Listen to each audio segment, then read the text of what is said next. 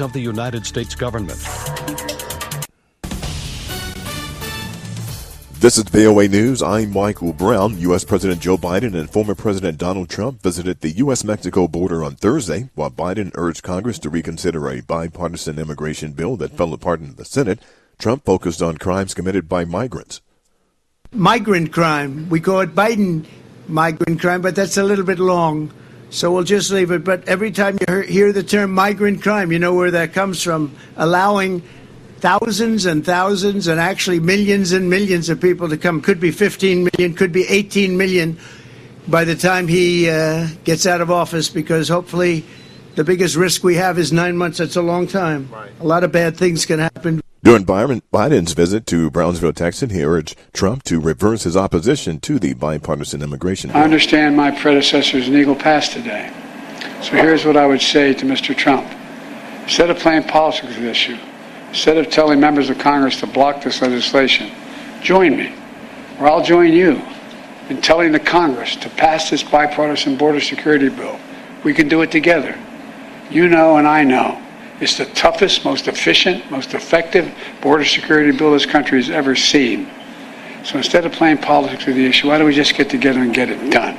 Immigration is expected to be a key issue in the November presidential election. For years, immigration policy has long been the issue that Washington lawmakers endlessly debated, but can not ever come to a resolution on. Authorities say fire raced through a seven-story building in an upscale area of the Bangladeshi capital Dhaka Thursday night, killing at least 43 people, injuring dozens more. Firefighters brought the blaze under control in about two hours, according to authorities. The government has ordered an investigation into that deadly fire. For more news, please join us at voanews.com. This is VOA News. U.S. officials reacted with concern at the news of civilians killed while trying to get humanitarian aid in Gaza. We get more on this story from VOA's Jeff Custer. Speaking to reporters as he left the White House Thursday, U.S. President Joe Biden said they were still gathering information on the incident, and as he understood it, there were two versions of what happened. U.S. Agency for International Development Chief Samantha Powers, who was in the West Bank Thursday, said regardless of the circumstances, the incident should never have happened. I know investigations are underway to find out exactly, again, what happened today. But again, a core principle that applies everywhere USAID and our partners work around the world is that desperate civilians trying to feed their starving families should not be shot at. Jeff Custer, VOA News. AP correspondent Karen Chammas now reports on the arrest of an editor of a top Russian independent newspaper. The editor of a well known Russian independent newspaper has been detained after being accused of discrediting Russia's military. Sergei Sokolov is the editor of Novaya Gazeta, he was detained by officers from Russia's Center for Combating Extremism. It said the charges are related to an article printed by the newspaper. Administrative charges, such as those given to Sokolov, are usually punishable by a fine or a short prison sentence. The date of Sokolov's hearing is not yet known. I'm Karen Chammas. Here in the U.S., AP correspondent Ed Donahue now reports a young Pentagon leak suspect plans to change his plea. Pentagon leak suspect Jack Teixeira is expected to plead guilty. Teixeira had previously pleaded not guilty. He is the Massachusetts Air National Guard member accused of leaking highly classified military documents about Russia's war in Ukraine and other sensitive national security topics on the social media platform Discord, which is popular with people who play online games. Investigators believe he led a private chat group called Thug Shaker Central Court papers show the judge was asked to schedule a change of plea hearing next week. He's been behind bars for close to a year. Authorities haven't talked about a possible motive, but accounts of those in the online private chat group describe Teixeira as motivated more by bravado than ideology. I'm Ed Donahue. Heavy gunfire has paralyzed Haiti's capital. At least four police officers killed as a powerful gang leader announced he will try to capture the country's police chief and government ministers. The move comes with Prime Minister Ariel Henry arriving in Kenya on Thursday, looking to finalize details for the deployment of a foreign armed force to help combat Haiti's criminal gangs. Gunmen shot at the country's main airport and other targets in a wave of violence Thursday that caught many by surprise. For more news, please join us. VOANews.com. I'm Michael Brown, VOA News.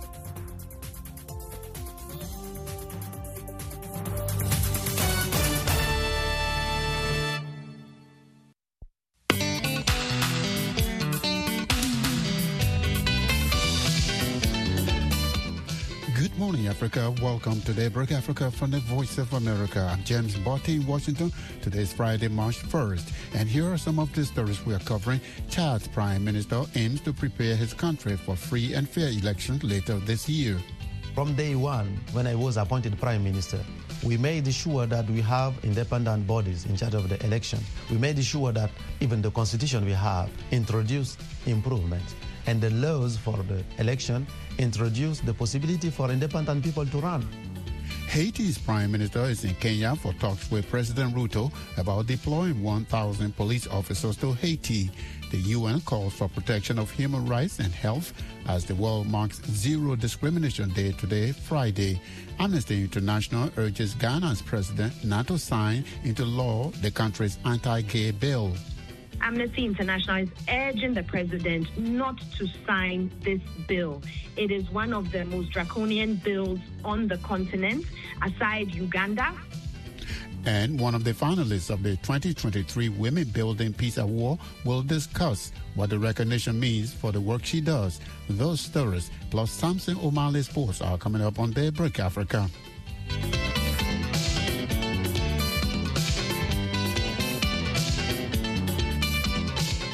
Chad's Prime Minister, Success Masra, says that he is committed to strengthening the country's institutions as a priority for his new administration. Masra, a former opposition leader, was appointed at the beginning of the year after his return from exile in the U.S. Prime Minister Masra tells VOA's Jackson Mvunganyi that as the country prepares for elections and a transition to civilian rule, his main task is to reform the economy and electoral institutions for free and fair elections. We started the flight, which is a transitional period. We have a pilot, a co-pilot, and uh, we want to have a soft landing but we go through you know some zones of turbulence but this is normal you know when you take a flight this is something that happens. We had one in 2022, Black Thursday.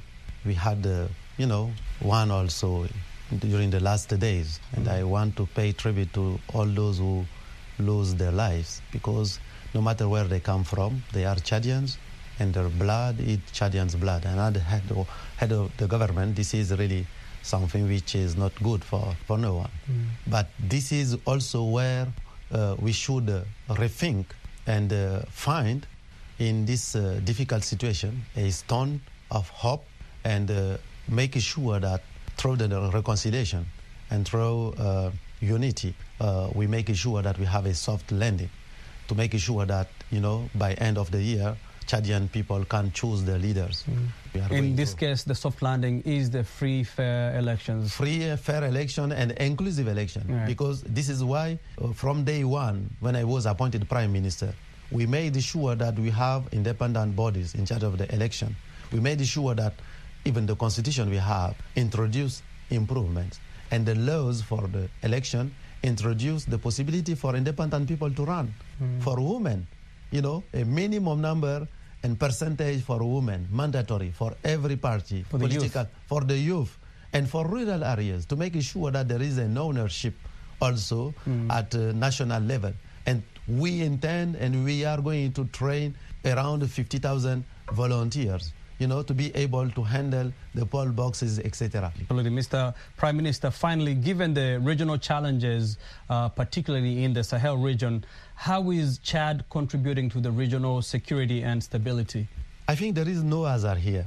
Our country, Chad, is the geographic center of Africa is in Chad. Mm. The oldest man discovered in the world is in Chad, Toumaï. So what we offer to the world is our humanity, despite the fact that we have development challenges. And this is the role that Chad is playing. This is the role that we intend to play in the Sahel region and above.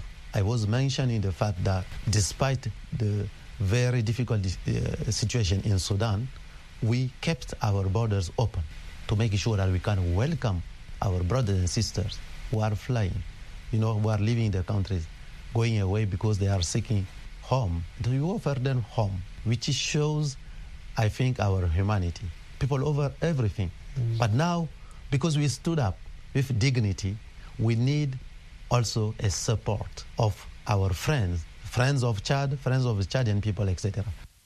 Success Masra is Chad's prime minister. He spoke with VOA's Jackson Mvunganyi in Washington, D.C. Amnesty International is urging Ghanaian President Nana Akufo-Addo to respect the human rights of all persons and not to sign the country's anti-LGBTQ bill into law. Ghana's parliament passed the Human Sexual Rights and Family Values Bill this week, criminalizing same sex relations. It imposes a prison sentence of up to three years for anyone convicted of identifying as a LGBTQ. One of its sponsors says the bill promotes Ghanaian family values and human rights.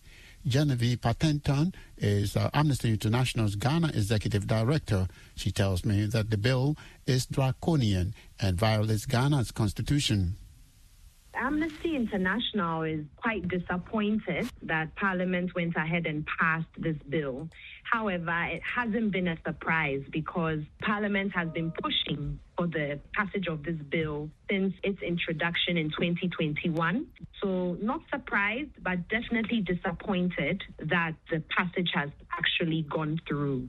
I did speak with uh, a member of parliament who is one of the uh, sponsors of this bill, and he defended the bill, saying that uh, this bill promotes Ghanaian values and human rights. So, for me, I personally am a Ghanaian. I was born here, and I personally do not feel the bill promotes any Ghanaian culture. How do you define culture? First of all, the bill is completely against our 1992 Constitution, which clearly states that human rights for all must be protected.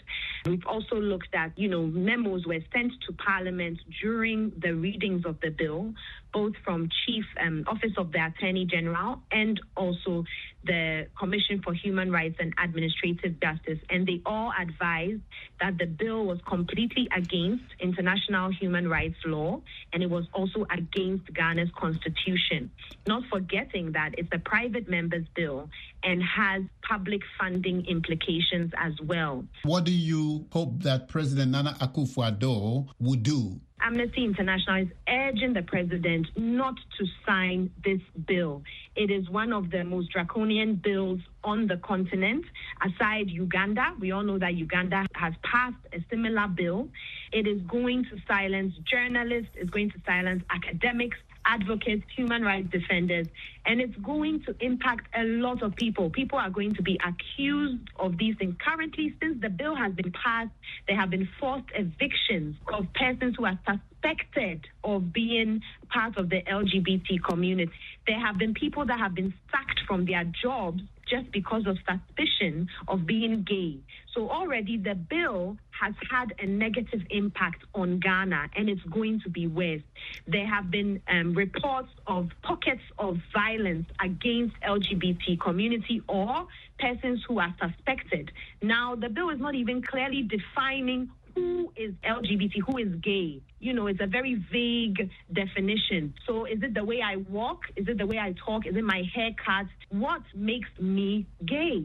So these are some of the issues we have with the bill, and we are urging the president not to sign. Genevieve Partington is Amnesty International's Ghana Executive Director. She spoke with us from the capital, Accra. Minority groups in society are often subjected to discrimination globally. This is according to a United Nations report that shows there is not much progress as far as discrimination is concerned. As the world marks Zero Discrimination Day today, March 1st, the UN is calling for the protection of human rights as a path to protecting health for all. Maureen Ojiambo reports.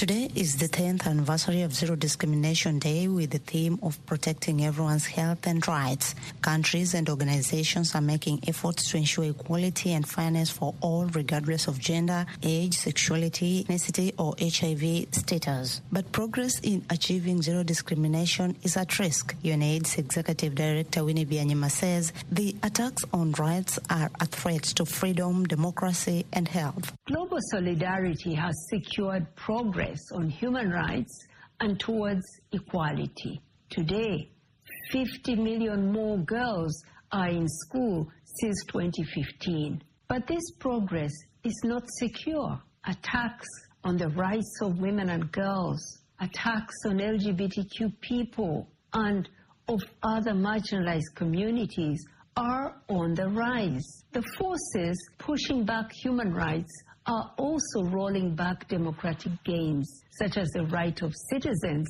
to organize. The United Nations Program for HIV/AIDS UNAIDS says minority discrimination leads to failing public health as these communities are pushed away from vital health and social services. Umunyana Rujeje is the head of Human Rights UNAIDS Africa. Public health efforts are undermined when laws and policies and practices or norms lead to punishment and discrimination or stigma for people who are uh, minorities, sexual minorities, um, based on their gender, sexual orientation, migrant status, whether or not they use drugs.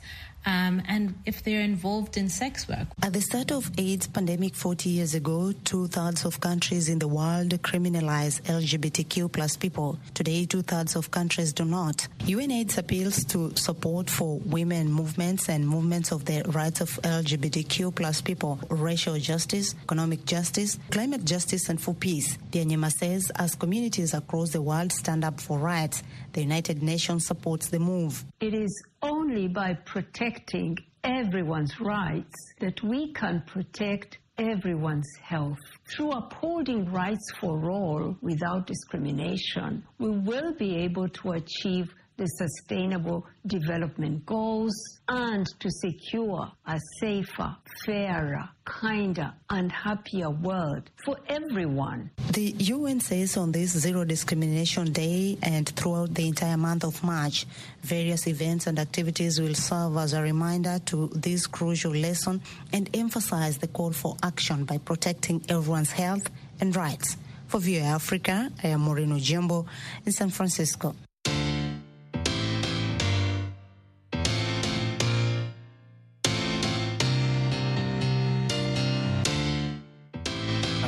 On the Voice of America. I'm James Butty in Washington.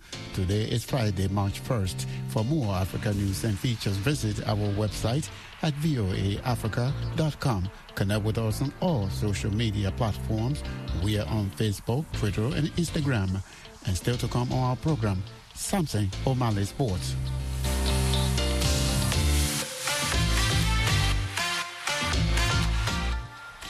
Haitian Prime Minister Ariel Henry arrived in Kenya on Thursday to try salvage a plan for Kenya to deploy 1,000 police officers to the troubled Caribbean nation to help combat gang violence. According to the Associated Press, Henry was invited by Kenyan President William Ruto to finalize modalities for agreements between the two countries on the deployment. Kenya agreed in October last year to lead a UN authorized international police force to Haiti, but the Kenyan High Court ruled that the plan was unconstitutional last month. Political analyst David Monda tells VOA's Douglas Mpuga that legal challenges remain irrespective of any agreement between the two leaders. It's a, a diplomatic move. I believe the Kenyan and Haitian government are trying to get some kind of reciprocal agreement together that will make it constitutional to have send these Kenyan troops to Haiti. However, the challenges still remain around the language question. The Kenyan police don't speak French. There's concerns about human rights abuses of Kenyan police in Kenya and how this will be done in Haiti. And then the fundamental question I think the Ruto administration hasn't explained to Kenyans is what is Kenya's national interest? In this mission to Haiti. When other more powerful countries are not intervening, uh, why should Kenya be the country to send troops to Haiti when there's so many problems in Kenya and within the East African region? Despite whatever uh, the leader of Haiti and the President Ruto agree, can that agreement circumvent the court's ruling, which also said the Kenyan National Police Service cannot be deployed outside the country? I think this will be open to constitutional interpretation because I think even if they sign the agreement, I believe the human rights organizations are still going to sue to say that uh, it is still not constitutional from a, a, number of perspectives. And I think one of the big questions that's still up in the air is um, Prime Minister Henry is not elected. He's in office illegally. He doesn't have a mandate. So, in whose name is he signing this agreement? Because constitutionally, he's not the president because his term ended. So I think this is another huge problem in terms of the legality of this decision. President Ruto posted on X, formerly Twitter, that Kenya associates itself with the people of Haiti because of a common heritage. In your opinion, is that reason enough for him to uh, try, by all means, to send troops to Haiti? I think it's, it's, talking about a common heritage, which is a strong point in terms of uh, the global south developing nations helping each other uh, out of different problems. But I think, again, the broader question that uh, President Ruto has not answered, has not brought before the Kenyan people, is to say, why is Kenya sending these troops there? How is it in Kenya's national interest that uh, these uh, police officers are actually going to Haiti? And then uh, how will the police deal with the half a million web guns that are in the street, the vigilante groups? What happens when Kenya police start getting kidnapped and start getting killed? Who will evacuate them uh, when conditions become really bad and untenable? So this case has not really been made to the Kenyan people. As much as we have the solidarity of black nations, solidarity in and of itself is not a national interest. That was David Monda, a professor of political science at City University of New York. He spoke with VOA's Douglas Mpuga from New York City. The U.S. Institute of Peace is welcoming its 2023 Women Building Peace Award recipient, Petronille Vaweka of the Democratic Republic of Congo, along with three finalists, including Hamisa Zaja of Kenya. Zaja is the founder and chairperson of the of the Coast Association for Persons with Disabilities, a non-governmental organization in Mombasa, Kenya, that works to empower persons with disabilities. The Institute of Peace says these women stand as beacons of resilience, bravery, and commitment on the front lines of conflict. Hamisa Zaja tells me the recognition is an encouragement for her to do more. The award to me, to my family, and the community I come from, it's something huge something that uh, we didn't expect. But it also means that it's an encouragement, it's hope, it's a future, and uh, it's something that it will be driving me to my last breath. You lead an organization that works to empower people with disabilities. Can you describe for us just two ways in which you are helping to empower people? Many of persons living with disabilities, especially in our areas or in my country, don't get jobs. Even if they had gone to school, they have get education, they have degrees, they have masters, getting jobs according to their types of disability, it's very difficult. So empowerment is the only option we have to get our livelihood. So small, small businesses and initiative that um, are income generating projects, those are the type of empowerment that I do. If you are capable of uh, selling fish, we'll give you all the equipments and uh, an amount of money that uh, you're going to buy your first uh, startup and you start. If you are capable of selling vegetables, we'll do that if you can um, work in, uh, for example, one of the initiatives that I have done is called individual businesses. Each and every person to get their own businesses according to the areas of where they come from. And one of the initiatives that I did is turning public toilet into income generating projects.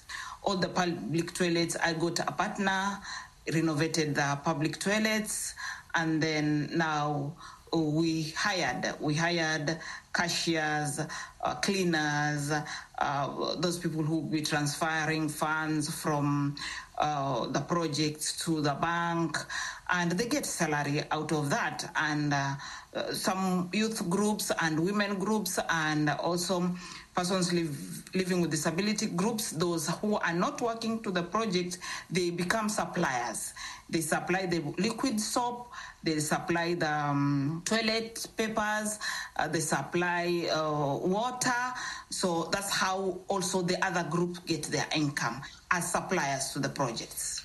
Now, in terms of uh, peace building, I mean, everywhere you look these days in Africa, you see conflict. I'm sure also the people of disability that you deal with, they also have conflicts. How do you do it? How do you bring about peace? I brought peace because uh, persons living with disability needs a peaceful environment so that they can work and earn their livelihood. But uh, we found out that uh, we cannot work if our people are jobless and they are lured to conflicts, they are lured to drug abuse, they are lured to violence extremism, they are lured to radicalization, they're lured into many, many groups and gangs, and they become robbers, they become terrorists, they become so many things. So, this is where now, in regards to peace, I thought also I should include into my program youths, women, and persons living with disability. To give them income generating uh, projects that they will keep them busy and of course they will be generating money for them now to stop whatever they want to do Ms. Hamisa Zaja, thank you so much for this opportunity to talk with us and congratulations. Thank you also for the opportunity. Thank you for the platform. Hamisa Zaja is the founder and chairperson of the Coast Association for Persons with Disabilities in Kenya.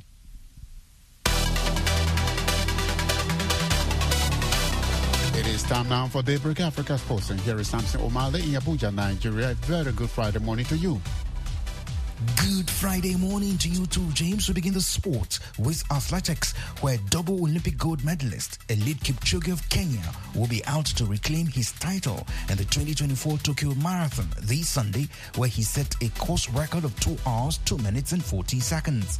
The 39 year old is already in Japan in readiness for the marathon, where he's also expected to better his record in familiar surroundings. Kipchoge will hope to pay tribute to his fallen compatriot, the late Kelvin Kiptum, who holds the world record of 2 hours 35 seconds from the 2023 Chicago Marathon, who tragically lost his life in a road accident on the 11th of February. Staying with athletics, the world's best athlete will this weekend compete for honors in Scotland at the World Athletics Indoor Championships Glasgow 2024 from the 1st to the 3rd of March. A total of 651 athletes from 133 teams have been entered to compete in Glasgow. These weekend's competition in the Scottish city is the first of five World Athletics Series event taking place in 2024, a year that features the Olympic Games in Paris in August. Kenya is sending 12 athletes to the championships. Bernard Ouma is Kenya's team's head coach. We've been sending teams to indoor and they're winning very well from 3,000 meters, 15, 800 meters. For the first time, we're sending a team for 600 meters by Omanyala and a relay team, and we are, we are happy with they're looking quite promising and strong. They're going to perform well. In women's football, the last four teams standing to contest for the two sports reserved for Africa at the 2024 Paris Olympics have been confirmed. Morocco, Nigeria, South Africa, and Zambia, who interestingly are the four teams that represented Africa at the last FIFA Women's World Cup, are the final four remaining in contention for a place in Paris later this year.